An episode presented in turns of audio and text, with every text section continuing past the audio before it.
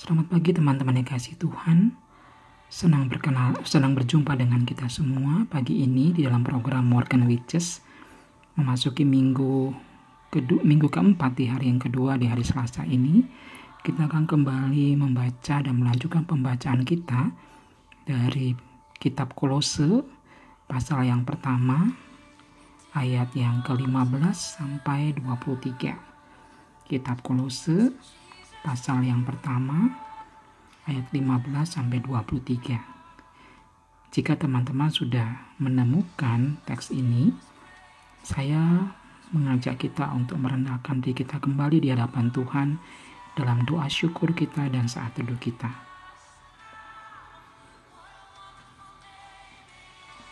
Teman-teman dikasih Tuhan, tema yang pagi ini saya akan bagikan kepada teman-teman yaitu in Christ alone.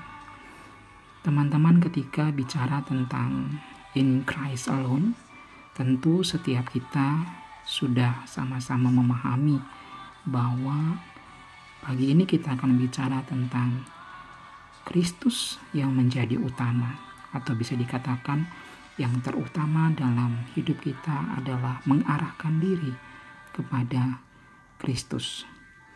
Teman-teman, bacaan kita pagi ini kembali mengingatkan bagaimana perjuangan Rasul Paulus meskipun di tengah-tengah jeruji besi, ia tetap punya tekad dan perjuangan untuk terus menuliskan dengan tulisan-tulisannya menguatkan jemaat orang-orang percaya di Kolose ketika mereka menghadapi tantangan demi tantangan.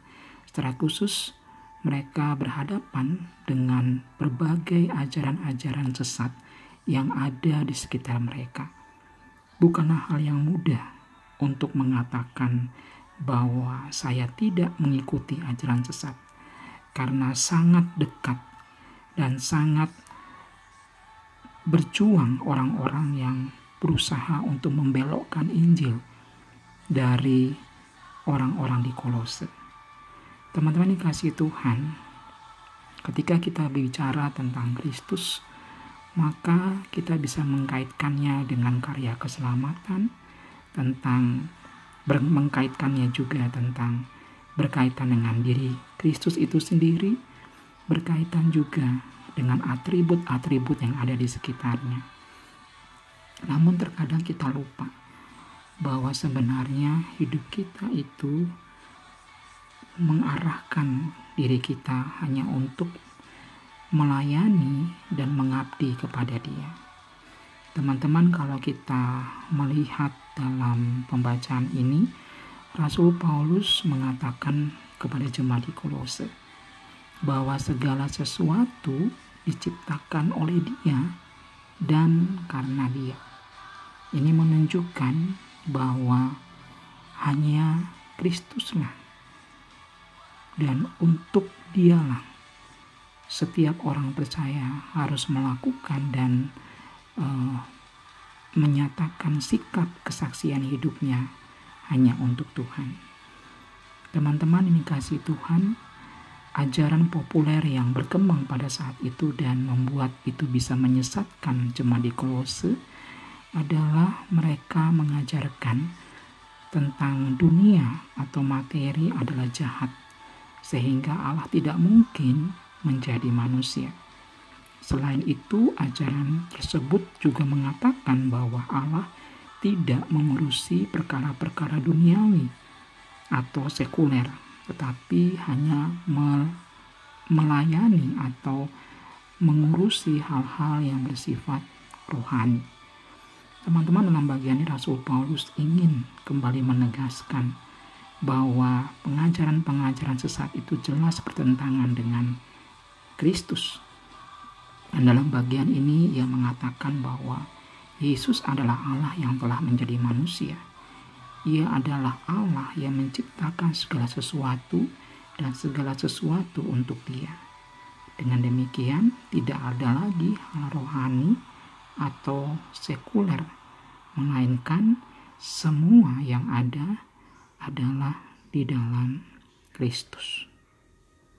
Nah, teman-teman dikasih Tuhan, kalau kita melihat dalam bagian ini kita kembali boleh diingatkan bahwa pentingnya kita memiliki pertumbuhan rohani yang sehat supaya kita tidak mudah diombang-ambingkan oleh oh, lingkungan ataupun pengajaran-pengajaran di sekitar kita.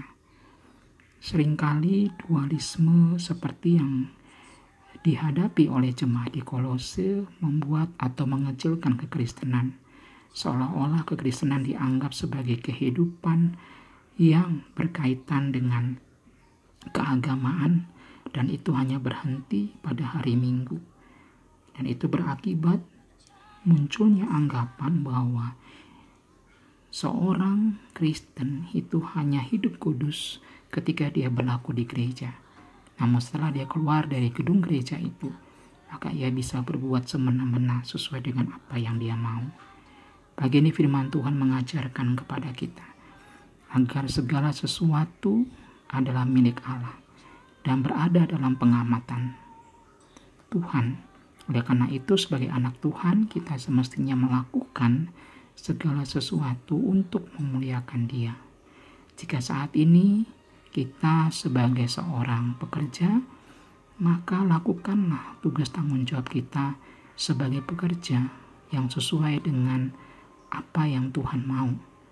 Jika kita seorang pelajar atau mahasiswa, maka berlakulah dan bersikaplah sebagai seorang siswa dan mahasiswa yang terus bertekun berjuang untuk uh, meningkatkan prestasi sekaligus membanggakan dan memuliakan Tuhan dengan uh, prestasi-prestasi yang kita peroleh.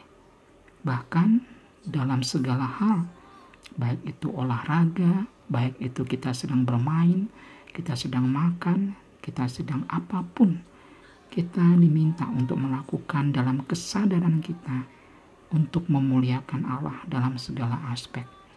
Dengan demikian, hidup kita makin serupa dengan Kristus karena melalui setiap kesaksian kita, kita terus menyatakan buah-buah dari pertumbuhan rohani kita.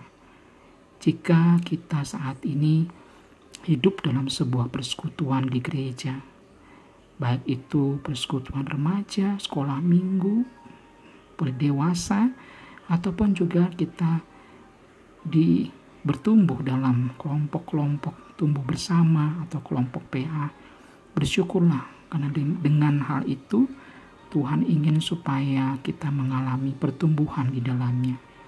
Bagian akhir dari pembacaan kita ayat 23 mengatakan, Sebab itu kamu harus bertekun dalam iman, tetap teguh dan tidak bergoncang, dan jangan mau digeser dari pengharapan Injil yang telah kamu dengar dan yang telah dikabarkan di seluruh alam di bawah langit, dan yang aku ini Paulus telah menjadi pelayannya. Rasul Paulus menjadi seorang pelayan Tuhan sampai akhir hidupnya dan memberikan dedikasi sekaligus juga memberikan wasiat atau warisan iman kepada setiap orang percaya untuk senantiasa belajar dan belajar, bertumbuh dan terus bertumbuh, menyatakan kemuliaan Tuhan melalui setiap aspek hidup kita. Terpujilah nama Tuhan. Amin.